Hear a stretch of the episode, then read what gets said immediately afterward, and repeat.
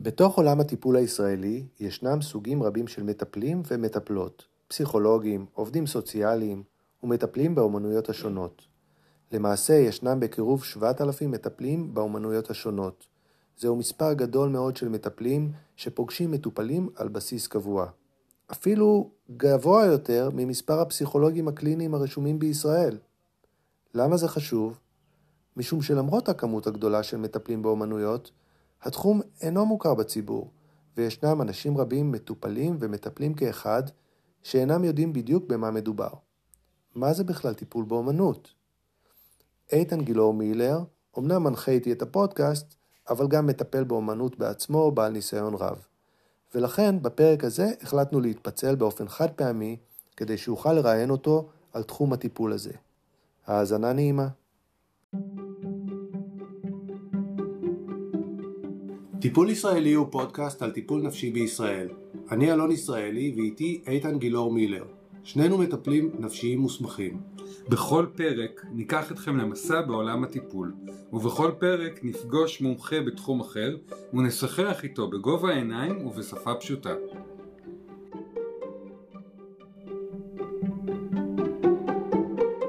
טוב, את הפרק הזה אנחנו מתחילים עם איתן גילאור מילר. איתן שמנחה איתי את הפודקאסט אה, טיפול ישראלי, מתארח בפרק הזה על טיפול באומנות, למרות היותו המנחה, אה, פשוט כי הוא הבן אדם המתאים ביותר להתראיין בתחום הזה. זאת אומרת שאני אשאל את עצמי שאלות? יכול להיות, אם השאלות שלי לא יהיו מספיק טובות. אני סומך עליך. אז אה, איתן הוא מטפל באמצעות אומנות, מדריך מוסמך ביה"ת, אגודת המטפלים באומנויות, מטפל בנוער ומבוגרים בסטודיו במושב אביחיל ליד נתניה, מנחה השתלמויות לצוותים מקצועיים ומטפלים בנושאים כמו טיפול קבוצתי, התערבויות טיפוליות וסטודיו פתוח, בוגר סמינר הקיבוצים באוניברסיטת חיפה בתחום הטיפול באומנויות ובוגר בית הספר לאדריכלות של אוניברסיטת תל אביב. אז איתן, קודם כל אני חייב להגיד שזה קצת מוזר לי לראיין אותך בלי שאתה תעזור לי גם לראיין, אבל אנחנו נעשה את זה. אה, שמח שאתה מתארח אה, פה לספר על טיפול באמצעות אומנויות. אה, בעצם, אתה יודע, אנחנו מכירים הרבה הרבה זמן, הרבה כן. שנים, למדנו ביחד ועברנו די הרבה דברים, ואני חייב לציין שאני כמטפל שהוא לא מטפל באומנויות פלסטיות, כך קוראים לזה, mm-hmm. לא מכיר את התחום שלך לעומק. למרות שאנחנו חברים, למרות שאנחנו משתתפים בהמון אירועים משותפים, אני לא מכיר את הטיפול הזה. אני מניח שהרבה הרבה אנשים שמחפשים טיפול, אולי לא יודעים מספיק על הטיפול הזה, ואנחנו נתחיל את הרעיון קודם כל בלספר עליו. אז אה, בוא תספר קצת עליך, איך הגעת לתחום הזה?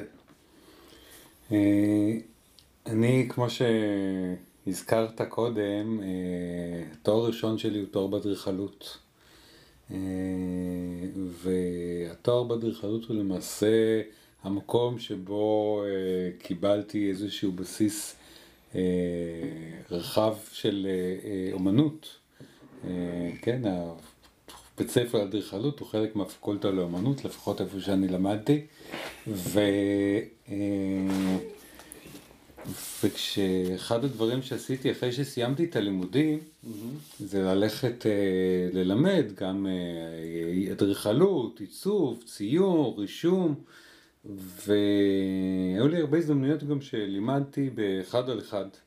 אנשים באו אליי, לימדתי אותם לצייר, mm-hmm. אה, להביע את עצמם באמצ... באמצעים האלו, ובשלב אה, מסוים התחלתי ל... לראות בציורים mm-hmm. שאני מצליח להבין כל מיני דברים עליהם שהם לא התכוונו בהכרח להעביר אותם דרך זה. אה, ו, וכיוון שזה היה גם מסגרת כזאת של אחד על אחד, אה, אז, אז הייתה שיחה מאוד מאוד אה, חופשייה סביב זה. ו, זאת אומרת שזה גם עניין אותך. זה עניין אותי ויכולתי לבוא ולהגיד להם. Mm-hmm.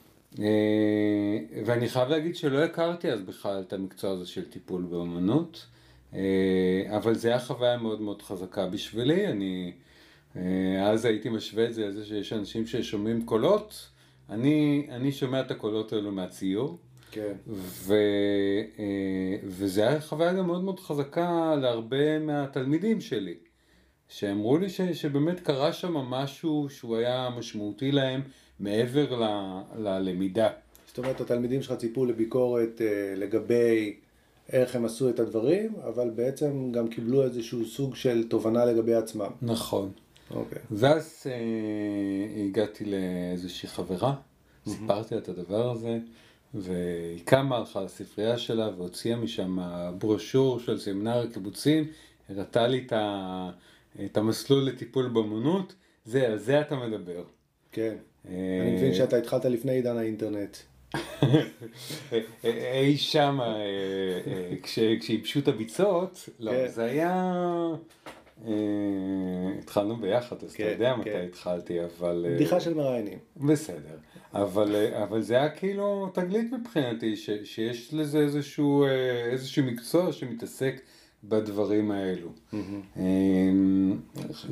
וככה הגעתי למקום הזה. עכשיו, אה, ש, שלא יובן לא נכון, אני לא חושב שטיפול באמנות זה, אה, זה תקשור באמצעות ציורים. אז אנחנו אה, נדבר באמת על זה אחר כך. אז אה, בעצם אתה אומר שההתמקדות הזאת באנשים וההבנה מה מניע אותם לעשות דברים עניין- עניין אותך והלכת ללמוד את זה. נכון. אוקיי, אז, אז בעצם אם אנחנו קצת ניגע בעניין של לימודי טיפול באמנות, איפה לומדים את זה? יש uh, מספר מוסדות בארץ שהם uh, מסלולי הכשרה מוכרים, מוכרים זאת אומרת על ידי המועצה להשכלה גבוהה. Uh, יש הרבה מאוד מסלולי לימוד אחרים שאינם מוכרים על ידי המועצה להשכלה גבוהה, והיום uh, אני תמיד צוחק ואומר שכל מה שצריך בשביל uh, לפתוח מסלול כזה זה מדפסת, כדי שתוכל להדפיס את התעודות בסוף. כן. אה, אבל אה, המסלולים אה, המוכרים הם כאלו שלומדים בהם שנתיים, אחרי זה שנה של סטאז' ובסוף מקבלים גם תואר שני וגם תעודת מטפל, זאת אומרת הן הכשרות מאוד מאוד מקיפות, ויחד עם זה הם, אה, כמו בכל לימודי טיפול, הם תחילת הדרך, אה, שיש עוד אחר כך הרבה מאוד מה ללמוד. כן, כן. אה, אז בעצם אתה מספר על זה שלמדת בסמינר הקיבוצים, אה, ואחר כך בעצם אה, מה ההכשרה של מטפל באומנות? זאת אומרת, הוא לומד את התוכנית, אבל מה קורה אחר כך בעצם?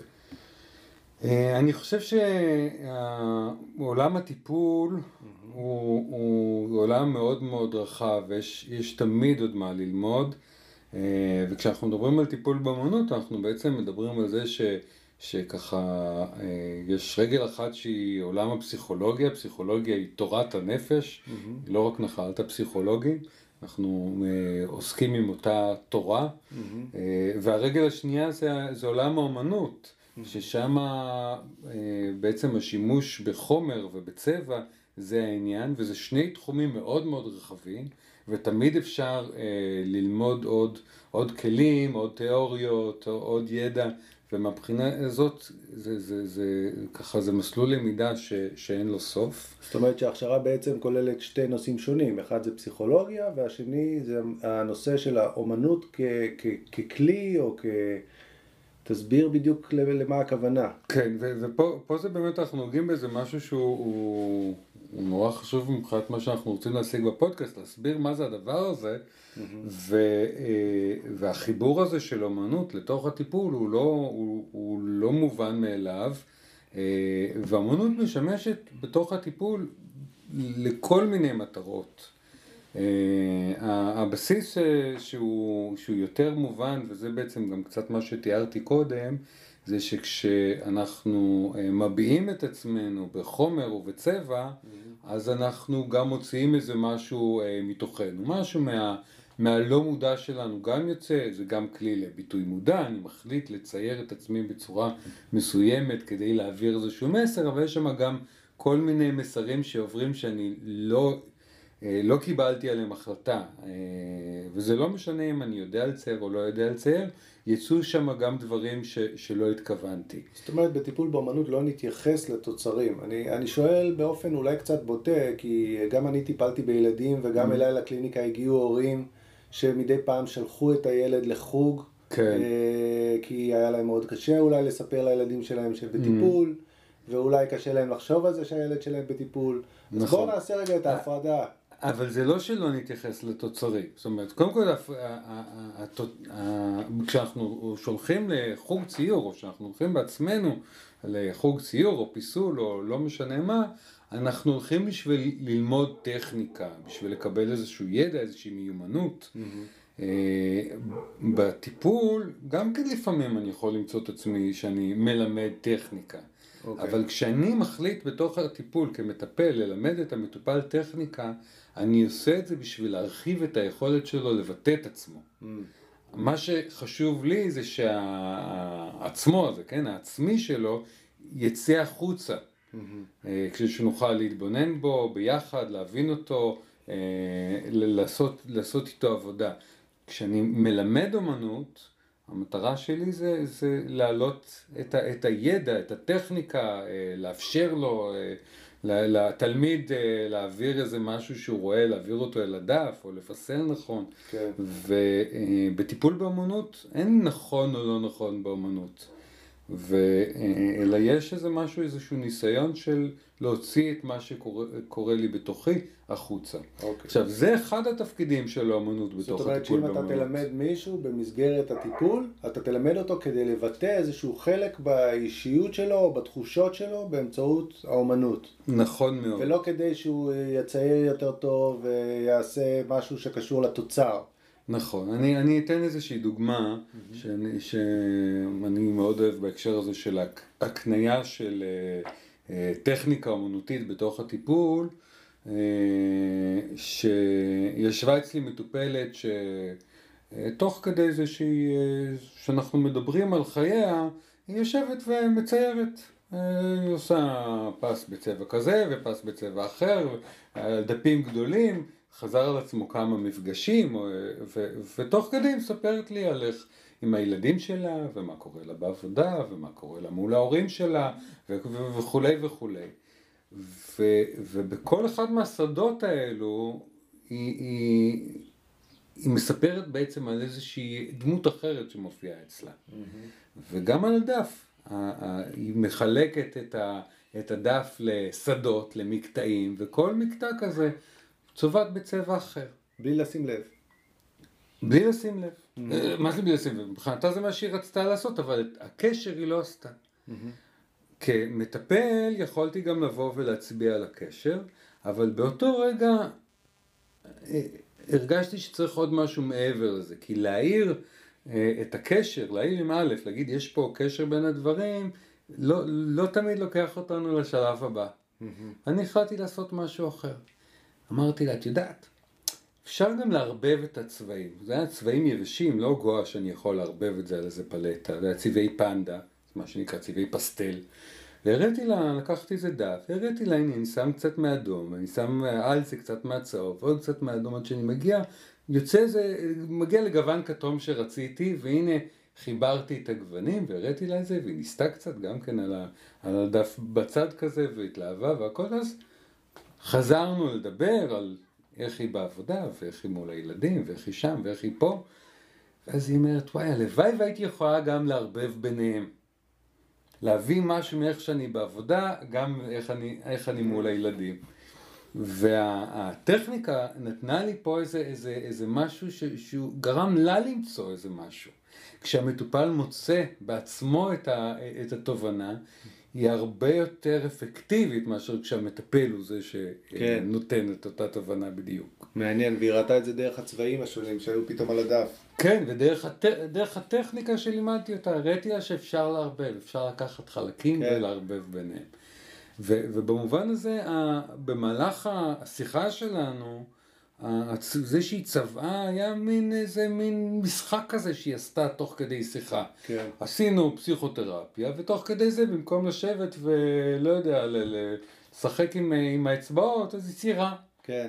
על פניו האמנות לא היה לה תפקיד גדול, אבל האמנות גם הראתה לי משהו שהיה דומיננטי אצלה, וגם יכולתי לעשות התערבות דרך האמנות. ובעקיפין לעזור לה למצוא את התובנה בעצמה. ויש לי הרגשה שלא סתם השתמשת במילה משחק, אה, יש משהו ב, ב, ב, בכלל בכל הטיפולים באמצעות אמנויות, שיש בו איזה מימד אה, נוסף ושונה אולי מטיפולים באמצעות דיבור. נכון. אה, וזה המשחקיות, מה שקוראים לו playfulness. ו- ופה באמת כשדיברת על זה שהתוצר הוא לא משמעותי, אז אה, בעצם שמנו את הדגש לא על מה שיוצא בסוף, אלא על מה שקורה תוך כדי. ומה שקורה תוך כדי הוא הרבה פעמים, יש בו חוויה משחקית. ולפעמים אה, אה, בתוך אה, חדר הטיפול, אז, אז מה זה אומר בעצם חוויה משחקית, אוקיי? בוא, בוא נפרק את זה לרגע, כי אתה יודע מה, בוא נלך צעד אחד אחורה. כן. אני חושב שרוב האנשים שמקשיבים לפודקאסט הזה, מכירים מה זה טיפול אצל פסיכולוג. הם ראו את זה בסרטים, ראו את זה בסדרות, גם אם הם לא מכירים את זה מדויק ונכון, הם בערך יכולים להבין על מה מדובר, אוקיי?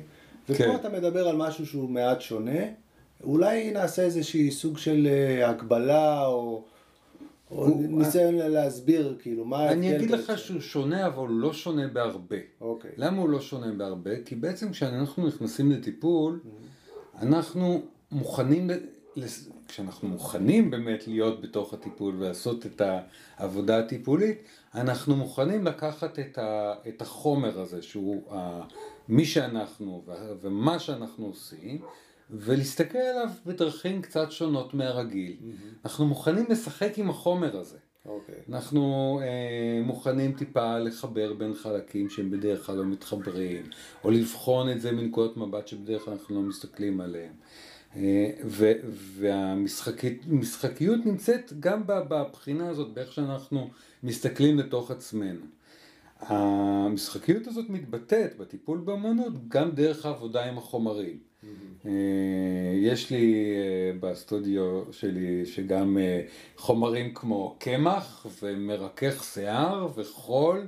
כן, ו- אנחנו יושבים בסטודיו שלך ואני באמת רואה את שפע האפשרויות והדברים שאפשר לעשות פה. והרבה מה, מהדברים שיש פה הם לא דברים שהם אה, אה, חומרי אומנות מהסוג הקלאסי, זאת אומרת אם אתה תיכנס לחנות הקרובה לביתך לחומרי אומנות, אתה לא תמצא שם כל מיני חתיכות עץ שלא ברור מה עשו איתם, ואתה, ומקשים של אה, מקלדת, ו, ופלסטיקים שמשמשים אה, אה, רצפים, ועוד כל מיני דברים כאלה שאני אוס- אוסף בלי לדעת מה יצא מהם. ו- ואני אומר את הדברים האלו כי זה לא דברים, ש- ש- כן, מישהו מגיע מטופל ושואל אותי, תגיד, מה עושים עם זה? אני אומר, אני לא יודע. כן. זאת אומרת, אנחנו לא נדע, ואתה תיקח את זה ליד, ואתה תשחק עם זה קצת, ואתה תחבר לזה חומרים, ואתה תערבב את המרכך שיער עם הקמח וה, והנצנצים וחתיכות נייר טואלט, ופתאום תמציא חומר. כן. וזה איזו משחקיות, איזושהי משחקיות שמאפשרת לך לגלות דברים חדשים, ובמובן הזה זה, זה אה, איזושהי מטאפורה לתהליך הטיפולי, שאנחנו מגלים דברים חדשים דרך זה.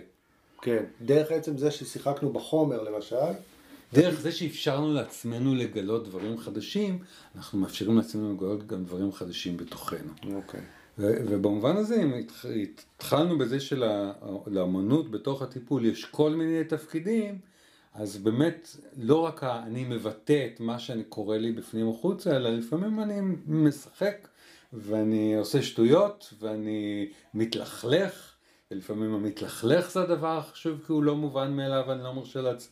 לעשות את זה בדרך כלל, ולפעמים אפילו עצם זה שאני מקדיש שעה להיות קצת חסר מטרה, חסר מטרה במובן של אני לא מנסה להגיע לתוצר, אפילו זה איזושהי רשות שהיא לא מובנת מאליה. זאת אומרת שאדם יכול להגיע לסטודיו, לעשות פעולה שכוללת שימוש בחומרי אומנות, אה, תעבור שעה ותיפרדו באותו מפגש. זה יכול לקרות הדבר הזה. נכון. באמת חשוב להגיד שאני ככה, אנחנו נותנים כל מיני דוגמאות, אבל אה, כמות הדוגמאות היא ככמות המטופלים. זאת אומרת, יש, יש לי פה מטופלים שמגיעים, ומה שקורה איתם זה שהם שעה שלמה יוצרים, והתוכן המילולי הוא, הוא, הוא משני ומועט. שזה עוד נקודת מבט של טיפול באומנות בעצם, על האומנות יצירה, יצירת האומנות כ- כהליך תרפויטי. נכון, שה, שהטיפול הוא נמצא בעצם היצירה, ויש מטופלים שמגיעים הנה והם רק מדברים, או בעיקר מדברים, אה, ו- ובין שני, ש- בין שני הקצוות האלו יש מנעד רחב מאוד של אפשרויות. אוקיי. אה, וכל מטופל מוצא את עצמו במקום אחר, יש כאלה שבאמת רק משרבטים או רק עושים איזה שהם סכמות בשביל להעביר לי, להסביר דברים שהם רוצים להסביר, ו, ו, ויש כאלו ש, ש, שעוצרים ויוצרים, ויש שלב שבו הם יוצרים בתוך, ה- בתוך השיחה, ו, אה, ויש שימושים מאוד מאוד מגוונים. ל- לאומנות בתוך המפגש. אני חושב שבס... שאם אני צריך ככה לתמצת מה שמפריד בין החוג לאומנות לטיפול באומנות, אלו שני דברים. אחד, זה שיש בתוך הטיפול באומנות את המרכיב של הקשר הטיפולי, שהוא נורא משמעותי בתוך כל טיפול. אה, ואני חושב שגם בכל הפרקים תמיד הגענו לאיזה איזה משהו שחזר על עצמו, שהקשר בין המטופל והמטפל הוא, הוא, הוא משמעותי בתהליך. והדבר השני זה התערבויות הטיפוליות. התערבויות הטיפוליות הן גם יכולות להיות פרשנות, מה אני אה, רואה שקורה אצל המטופל, וגם יכול להיות הקנה של טכניקה, כמו שתיארתי קודם. כן. וגם ו- זה שאנשים באים לטפל בעצמם, מעבר לזה. נכון, הרבה פעמים השימוש במילה חוג היא כדי לטשטש את המקום הזה. נכון, כן. נכון. אה, אוקיי, אז, אז אתה יודע מה, בוא נדבר רגע על, ה, על הטיפול הראשון, על המפגש הראשון, או קודם כל, מי מגיע לטיפול באמנות? זה משהו שהוא של ילדים, מבוגרים, נשים, גברים, איזה אוכלוסיות מגיעות לטיפול באמנות, אה, וגם איפה מטפלים, איפה, איפה אפשר למצוא מטפל כזה באמנות? אני- אני אגיד שקודם כל לעניין המי מגיע, יש טעות מאוד רווחת, שטיפול באמנות הוא טיפול לילדים. אה, אפילו השבוע חברה שמכירה אותי המון המון זמן, כן. אה, גילתה להפתעתה שמה שהייתה בשוק, איך, זה, איך יכול להיות שאתה מטפל בעיקר בק- בקליניקה שלך, בעיקר במבוגרים, ו... ואני בכלל לא ידעתי שאתה עובד עם מבוגרים, כי יש איזו הנחה בסיסית שאומנות, טיפול באומנות אה, וטיפול באומנויות בכלל הוא נחלתם של ילדים. אני חושב שההנחה הזאת קשורה גם למקום של משחק. כן. שיש משהו באומנות, באומנויות בכלל, שיש בהם הרבה משחק והוא מתחבר לנו יותר לעולם של הילדים, גם בגלל שהרבה פעמים אומרים שלילדים יותר קל דרך האומנות ולא דרך השיחה, וגם בגלל שבכל בתי ספר, כל בתי הספר בארץ אתה יכול למצוא מטפלים באומנות, ויכול להיות שגם זה שם מחבר, אבל אני, אבל כן, היום ב, ב, בסטודיו שלי, אה, בקליניקה שלי, יש אה, בעיקר מבוגרים ונוער. אה, אני כבר כמעט ולא עובד אה, בתוך הקליניקה עם ילדים, אני מדגיש את זה בתוך הקליניקה, כי ב- אני עובד גם במרפאה לבריאות הנפש לילדים ונוער, ושם התמונה היא קצת אחרת. ו, אה, ובאמת, אין, אין גיל שלא יכול ליהנות אה, אה, מטיפול באומנות, כאשר הסיבות לזה שמגיעים הן- הן מאוד מאוד מגוונות כמו לכל טיפול. אה, מקשיים ב... אה, אני לא מרוצה מאיך שאני מתנהל בחיים, קשה לי למצוא זוגיות, אה, עברתי איזשהו משבר מסוים, אה, דרך מצבים יותר מורכבים, בעצם של אתה הפרעות אומר קשב וריכוז שמבוגרים וחרדה. מגיעים, מגיעים לטיפול באומנות, כאילו הגיעו לפסיכולוג, אין הבדל באמת משמעותי נכון בסיבות וב... זאת אומרת, ואתה גם עושה את ההפרדה בין טיפול לילדים לטיפול במבוגרים. אה, ההפרדה היא מתוך זה ש... שיש כאלו שעובדים רק עם ילדים, וש... כמו אצל פסיכולוגים, שיש כן, כאלו שעובדים יותר עם זה, ויש כאלו, ויש כאלו ש... שעובדים גם וגם. אה, אני התכוונתי בעיקר לעניין של היכולת לשחק שדיברת עליה בעצם, כן. שהיא יותר טבעית לילדים ומה לעשות ככל שאנחנו נהיים יותר מבוגרים אנחנו הופכים להיות יותר ורבליים ופחות משחקיים בהרבה פעמים, לפעמים זאת הבעיה שלנו בחיים. נכון, החוסר יכולת לשחק היא קשורה גם לחוסר יכולת להיות באי ודאות וחוסר יכולת אה, להרשות לעצמנו דברים, זאת אומרת להנמיך את הביקורת, אה, והרבה פעמים אומרים באמת שזה מין קלישאה שהיא מאוד נכונה, שטיפול באמנות מאוד טוב למי שקשה לו לבטא את עצמו במילים, אבל הוא גם מאוד טוב למי שמאוד טוב בלבטא את עצמו במילים, זאת אומרת הרבה כאלו שהמילים שלהם יהיו כלי אה, כן. לסובב אותנו בשיחה, דרך האמנות הדברים יצאו כפי שהם. אוקיי, וזה דבר שבאמת משותף לטיפולים באומנויות, שהם טיפולים חו... חווייתיים. נכון. זאת אומרת, הרבה אנשים באמת הפכו להיות מאוד ורבליים, יודעים לנתח באופן אנליטי המון סיטואציות, להסביר איך הם מרגישים, אבל לא תמיד ירגישו. כן. והאומנויות מאפשרות להם לבטא לפעמים באופן, אה, אה, באופן מג... שמגן עליהם, אה, לבטא את הרגשות שלהם. בדיוק. אה, ובמובן הזה באמת אה, יש, יש מקום אה, לכל, לכל סוג של אוכלוסייה, כל מי שבעצם נמצא ב, ברצון לעשות שינוי, או שינוי בעצמו, או, ש, או שהוא מאוד קשה לו עם העולם סביבו, והוא מרגיש שצריך לעשות, לקרות שם איזשהו שינוי, והוא רוצה לדעת מה הוא יכול לעשות בשביל זה. כן, אז, אז אני עכשיו מטופל שבמקרה שומע מישהו שמחפש לעצמו טיפול, ואני שומע את הפרק הזה בפודקאסט, ואני אומר, רגע, מה, מה אני עושה? מה, למה עליי לצפות? איך זה נראה הדבר הזה? אה, איך נראה... ושאלת עוד קודם איך, איפה אני מוצא את הדבר הזה. וגם איפה אני מוצא את הדבר הזה. אני אתחיל משם, כן. ואני אגיד שמטפלים אה, אה, באומנויות יש גם במגזר הפרטי, קליניקות, כמו כל מקצועות הטיפול האחרים. רוב, לא, חצי מבערך, ממחצית המטפלים באומנויות בארץ עובדים במערכת החינוך. Mm-hmm. ואנחנו מדברים על אלפים. אלפים, כן. אלפים אנחנו, של מטפלים. נכון, יש כ-7,000, 8,000 מטפלים באומנויות ברחבי הארץ, mm-hmm. כמחציתם עובדים במשרד החינוך, ובבתי ספר זה הטיפול, ילדים שמטופלים בבתי הספר זה מה שהם מקבלים. אה, יש, אה, יש טיפולים באומנויות דרך אה, קופות החולים, מה שנקרא בהסדר, או דרך השירות בריאות נוסף, זאת אומרת דרך הביטוחים, אה, ומעט מאוד בתוך קופות החולים, שזה מצב שאני מקווה שישתנה. זאת אומרת שאם אני, אם, אם במקרה הילד שלי או מישהו מטופל באחד המוסדות האלה, אני יכול לדעת בוודאות שאותו מטפל עבר את ההכשרה המתאימה והוא גם אה, אה, מיומן אה, לטפל. נכון, נכון. דיברנו אה... מקודם פשוט על ההבדלים בין... אה... נכון, ופה אתה נוגע באמת בבעיה שהיא אקוטית בעיניי, שכמו אה, שאמרתי שכל אחד יכול אה, להחליט שהוא מכשיר מטפלים באומנויות, הוא יכול גם לתת לעצמו תעודה, ו, אה, וכדי לדעת אה, מי מטפל באומנות שהוא עבר את ההכשרה הראויה, זה, זה, זה, זה הרבה פעמים עניין מורכב בגלל היעדרו של חוק. אם אני רוצה להיות רואה חשבון, אני חייב אה, הכרה מהמדינה, כי אחרת אסור לי לעסוק בזה וזאת תהיה עבירה פלילית.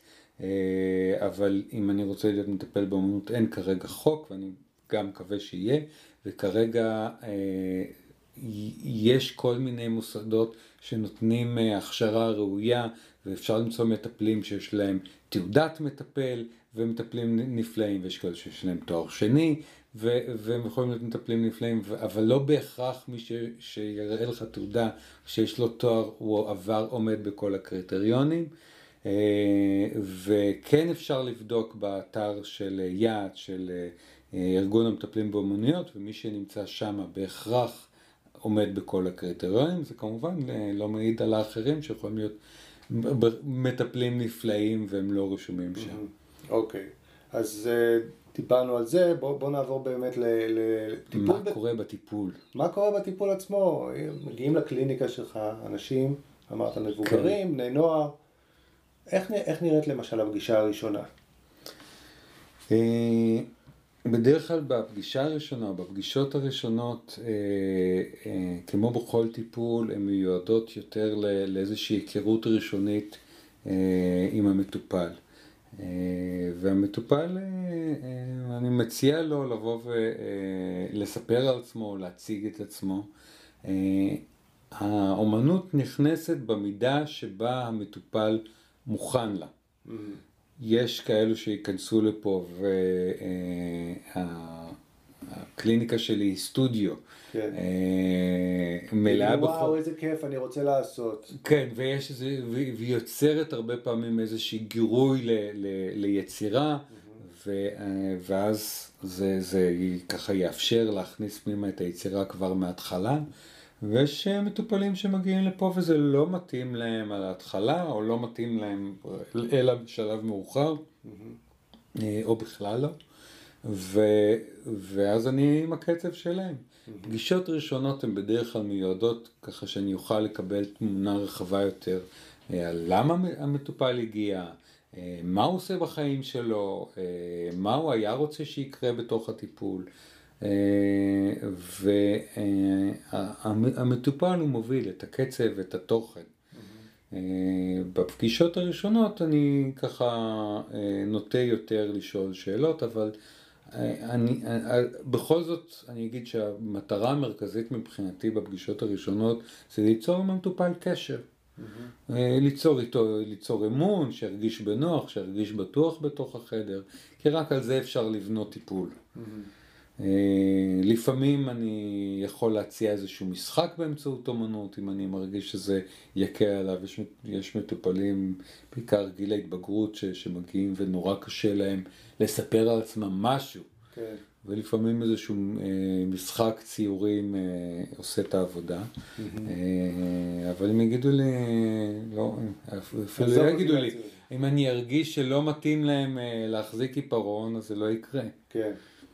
זאת אומרת, אתה מדבר פה בעצם על ההכשרה הפסיכולוגית, היכולת להיות במפגש בלי לעשות אומנות, וכן אה, להתכוונן למקום שבו המטופל אה, צריך אותך כרגע. נכון, נכון, כי אני, החומרים והצבעים הם, הם כלי עבודה מבחינתי, אה, הם לא מטרה. ואני יכול להגיד שגם עם מטופלים שלא יוצרים בעצמם בתוך הטיפול, אז אני חושב שזה שאני מטפל באומנות מוביל את השיח הרבה פעמים לשיח שהוא יותר נוגע בדימויים חזותיים. אני זוכר מטופל שהיה לי, זה היה, זה היה מאוד מוזר, כי זה היה מטופל שכן היה יוצר mm-hmm. בחייו הפרטיים, אבל בתוך הטיפול, אני חושב שהיו אולי איזה שלושה מפגשים במהלך תהליך של, אה, של שנה וחצי, אולי שנתיים. היו באמת פעמים בודדות שהוא יצר בטיפול, אבל שיחות שלנו היו מלאות בדימויים מאוד מאוד מפורטים של, אה, כן, אם דיברנו על זה ש... שמשהו שהוא רצה לעשות זה כמו לקפוץ למים, אז, אז דיברנו לא רק על הקפוץ למים, אלא על איך זה לעמוד בחוץ, ואיך נראים המים בחוץ, ומה גודל הבריכה, ואם יש שם מציל או אין שם מציל, ו, ומי נמצא עוד במים, ו, ומה מפחיד במים, ו, וה, וגם העיסוק בדימוי החזותי, גם אם הוא דרך המילים, הוא עדיין היה עיסוק בדימוי ובצבע ובצורה ובחומר. כן. כן, אני מכיר את התחושה הזאת כמטפל בפסיכודרמה, שיכול לראות הרבה פעמים את הדברים בפריזמה של תפקידים וקשרים בתוך הבית עם המשפחה, וזה מעניין שאתה מספר פה על, על החומרים כעל בעצם גם שפה חדשה שנכנסת לעולמו של המטופל, וגם מאפשרת לו לראות את הדברים בפריזמה נוספת מעבר נכון. למילים ולתחושות. אה, ושאלה שיש לי באמת היא לגבי אה, כל העניין של חומרים. אה, אני היום מטפל בקליניקה שמי שנמצאת בה היא גם מטפלת באומנויות, הקליניקה מלאה בחומרים ואני לא יודע מה זה אומר כל החומרים האלה, מה זה, זאת אומרת, אם מטופל עכשיו צייר, רק בשחור, או mm. התחיל ללוש בחול, או אה, עשה כל מיני דברים שונים ומשונים, מה זה אומר? העניין הזה של מה זה אומר הוא משהו ש... הרבה פעמים נורא מפחיד אנשים כשהם באים לטיפול באמנות. Uh, הפחד הזה שהנה אני אצייר ועכשיו אתה תדע עליי דברים. Uh, ו, ויש יש לפעמים עיסוק בדבר הזה שנקרא פענוח ציורים, mm-hmm. ו... Uh, זאת אומרת, הוא צייר את עצמו קטן בצבע שחור בפינה. נכון, כן. נכון. כן. ו, או, או הוא צייר בית ויש לו גג גדול ואין לו ערובה, ויוצא, לא יודע, עשן מהחלון.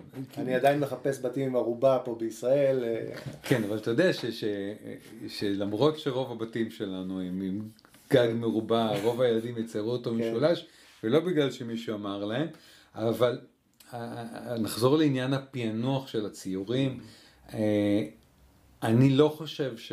שלפחות בתפיסה שלי, שטיפול באמנות הוא פענוח ציורים. אבל יש מטפלים שחושבים אחרת? אה, אה, אני, אני, אני קודם כל אסביר את עצמי ואחרי זה אני, אני אוקיי. אתייחס למה קורה אצל אחרים. אני, מבחינתי הדבר הזה של לפענח ציורים, של לראות את הציור ולהגיד מה, לה, להחזיק איזשהו ידע שלי על המטופל הוא משהו שהוא, ש, שהוא לא, לא הוגן כל כך. זאת אומרת, אה, אה, הוא לא רק שהוא לא הוגן, הוא גם, הוא גם חוט- חוטא לאמת.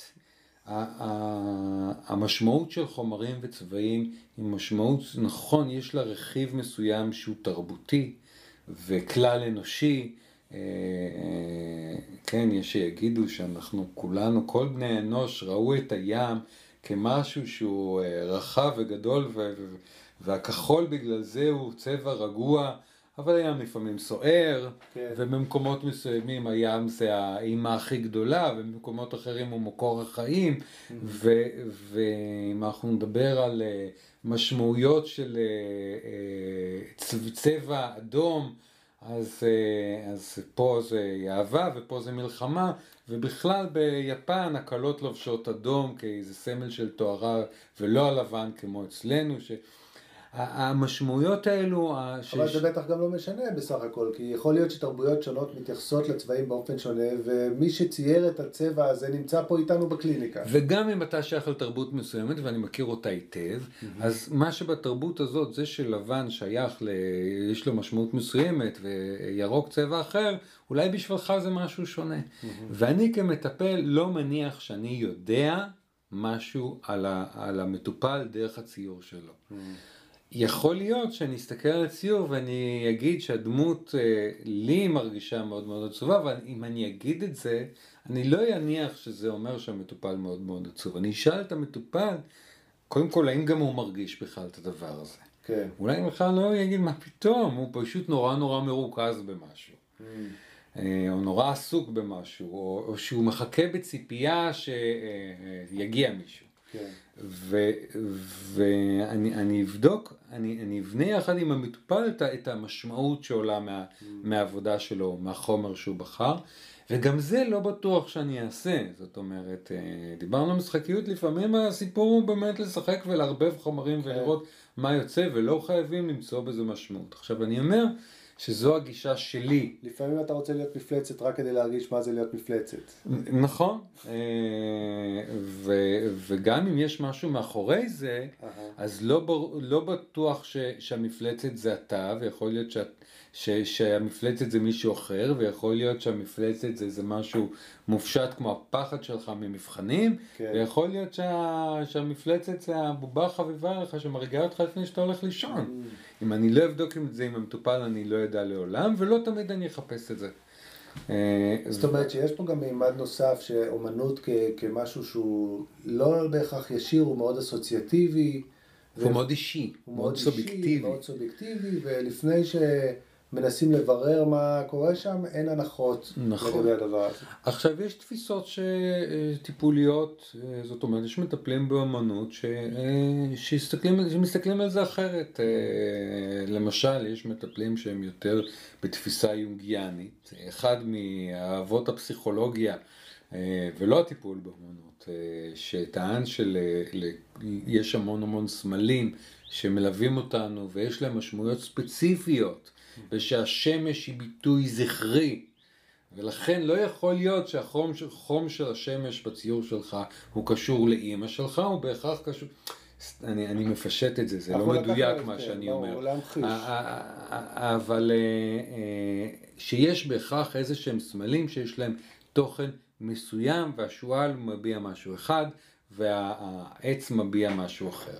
בעצם אתה מדבר על שתי עמדות טיפוליות. אחד זה המטפל כמי שמלווה את המטופל בלגלות את המשמעויות שהוא נותן לדברים שהוא עושה, לעומת מטפל שאולי יפרש למטופל נכון. וייתן משמעויות.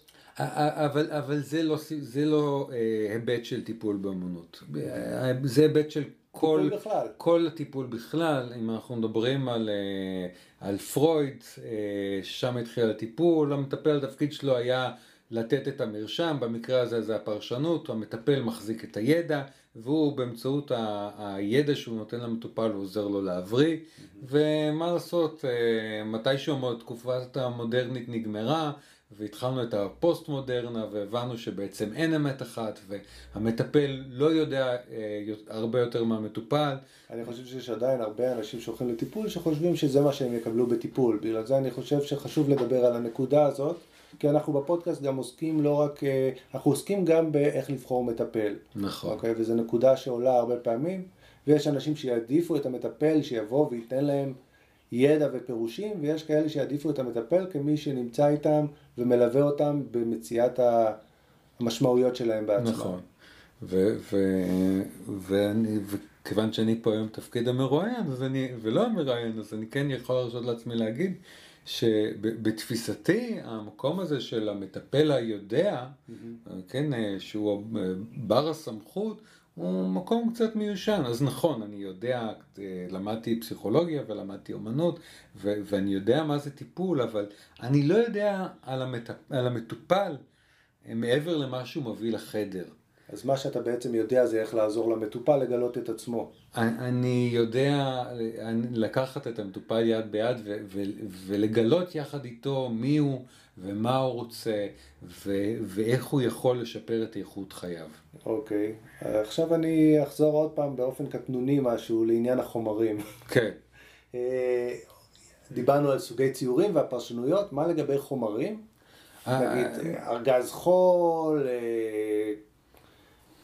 איך קוראים לדבר הזה? פלסטלינה? כן.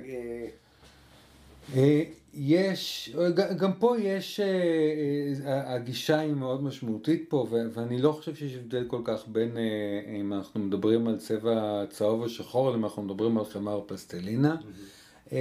יש חומרים מסוימים שהם פחות נשלטים.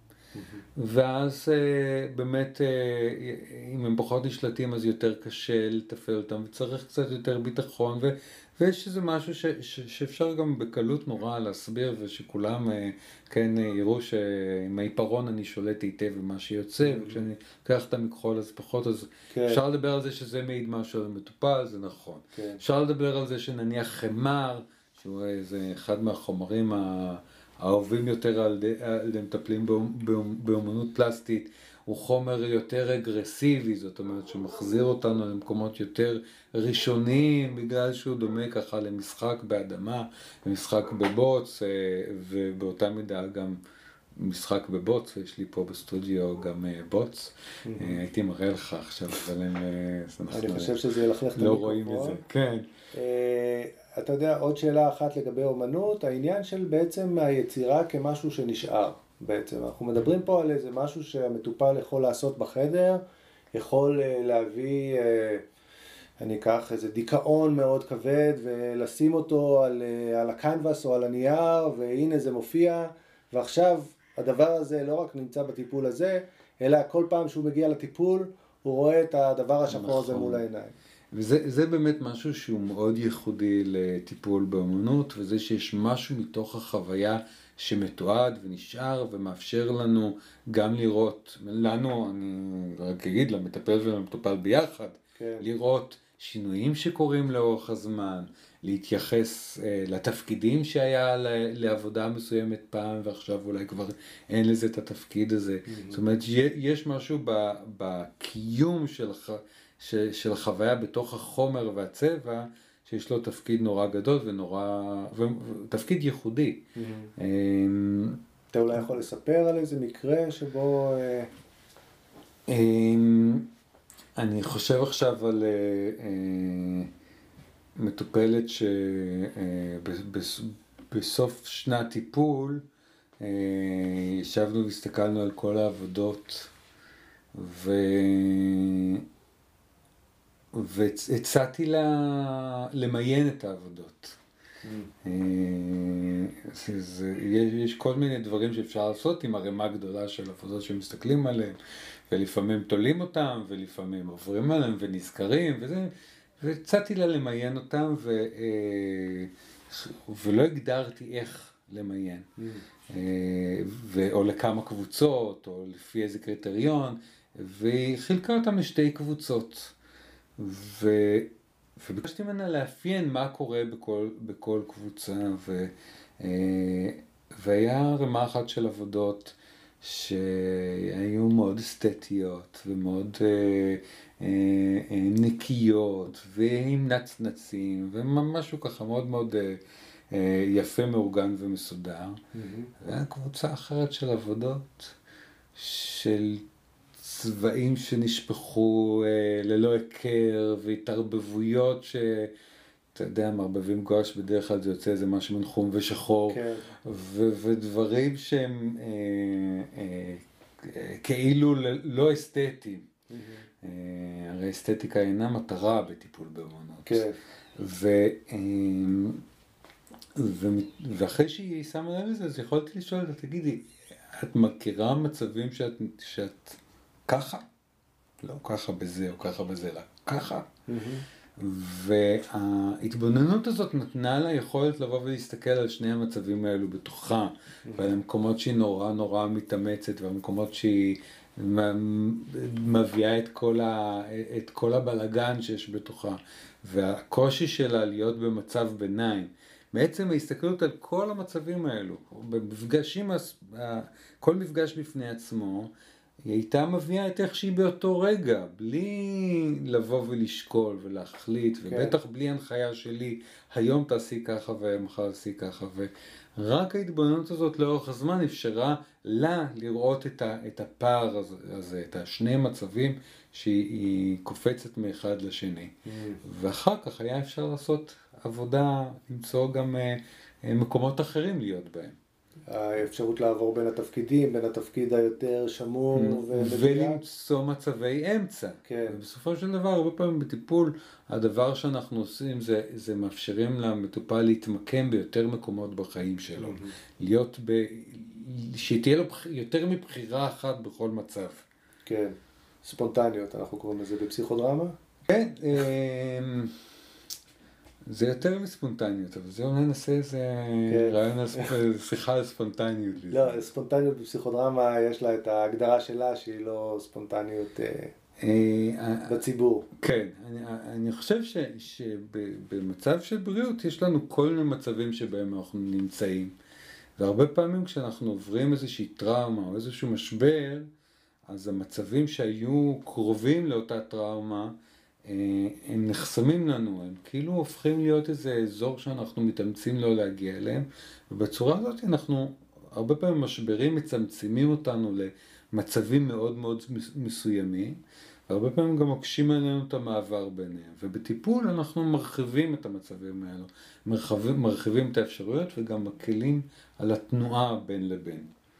אה, אני זוכר את התקופה ששנינו עבדנו בבית אקשטיין, אוכלוסייה ילדים אה, עם התמודדויות מורכבות, מורכבויות מאוד. מורכבות ביותר, אה, והרבה פעמים אה, בהיותי בחדר הטיפולים, ואתה היית בחדר לידי, mm-hmm. חשבתי איפה בעולם, אם לא הייתה האומנות, אם לא היה המשחק, הם היו יכולים להביא באופן הזה את העולם הפנימי שלהם, כי מילים לא היו יכולות לתאר את מה שעובר עליהם. נכון.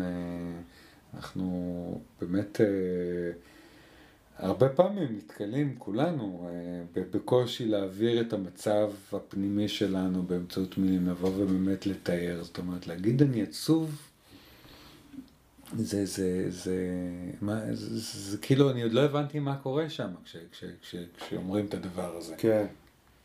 ויש לזה איזשהו עולם נורא גדול מתחת לזה, ונורא ייחודי, ו, ו,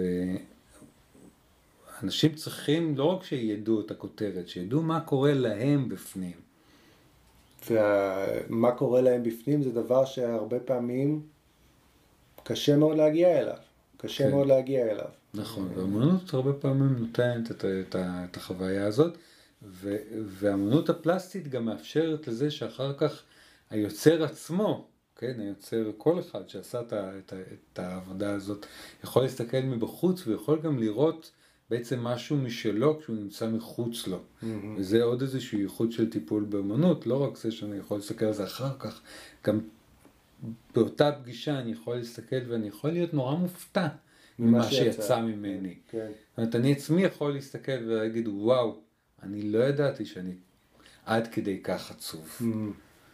כי פתאום זה נוכח. כן, וכשזה יצא, שם. זה יצא בלי uh, שהייתה איזו החלטה לגבי זה שזה יצא. כן. אלא זה פשוט יצא מעצמו. נכון. ואוקיי, דיברנו באמת הרבה על טיפול של אחד על אחד, טיפול פרטני. יש גם טיפול קבוצתי באמנות. נכון מאוד. איך זה עובד? וואו, אה, טיפול קבוצתי... יש לנו רק כמה דקות לדבר על זה, אבל אה, זה נושא בפני עצמו. כן, טיפול קבוצתי זה באמת עולם ומלואו, אה, אבל הטיפול קבוצתי, המשמעות של זה זה שכמה אנשים נמצאים ביחד בתוך מסגרת טיפולית עם מטפל, או, או, או כמה מטפלים שמנחים את הקבוצה. אני חושב רק על החוויה שסיפרת, ש... יוצא משהו בלי שאפילו הבנתי ועד שלא ראיתי אותו, כאילו, בקבוצה, כאילו, פתאום יצא לי איזה עצב גדול, ועכשיו אני רואה אותו, ולא רק אני רואה אותו, גם כל הקבוצה רואה אותו. נכון. אה, זה, זה הרבה פעמים מאוד מגביר את החוויות, והדבר הזה הוא יתרון וחיסרון אה, גם יחד, כי, כי קוראים, כי אני יכול גם לקבל משהו מזה שאחרים מביעים את העצב שלהם, פתאום אני רואה את מה שקורה אצלי. אה, דרכם, ויש איזה משהו אה, שברגע שהטיפול הקבוצתי כבר מתחיל לפעול, ברגע שקבוצה יש בה את האמון ואת היכולת לעבוד, אז הדברים יכולים לקרות בקצב יותר מהיר אפילו. Mm-hmm. אה, הכוח של הטיפול הקבוצתי נובע מזה שאנחנו אה, כל הזמן חיים בקבוצה, אנחנו נולדים לתוך קבוצה, שזה המשפחה שלנו. ו- ו- ואם יהיה לנו מזל גם נמות בתוך קבוצה. ואם יהיה לנו, אה, אכן. ובתוך הקבוצה קוראים, אנחנו יכולים ללמוד הרבה על עצמנו, כי יש לנו הרבה עיניים מסביב. כן.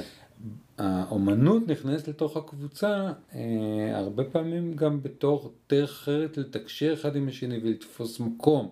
זאת אומרת, עצם זה שאני, אה, אם נניח נמצא בינינו דף ענקי ואנחנו אה, אה, שמונה אנשים וכולנו מציירים על הדף, אנחנו חייבים לראות איך אנחנו חולקים את המרחב הזה.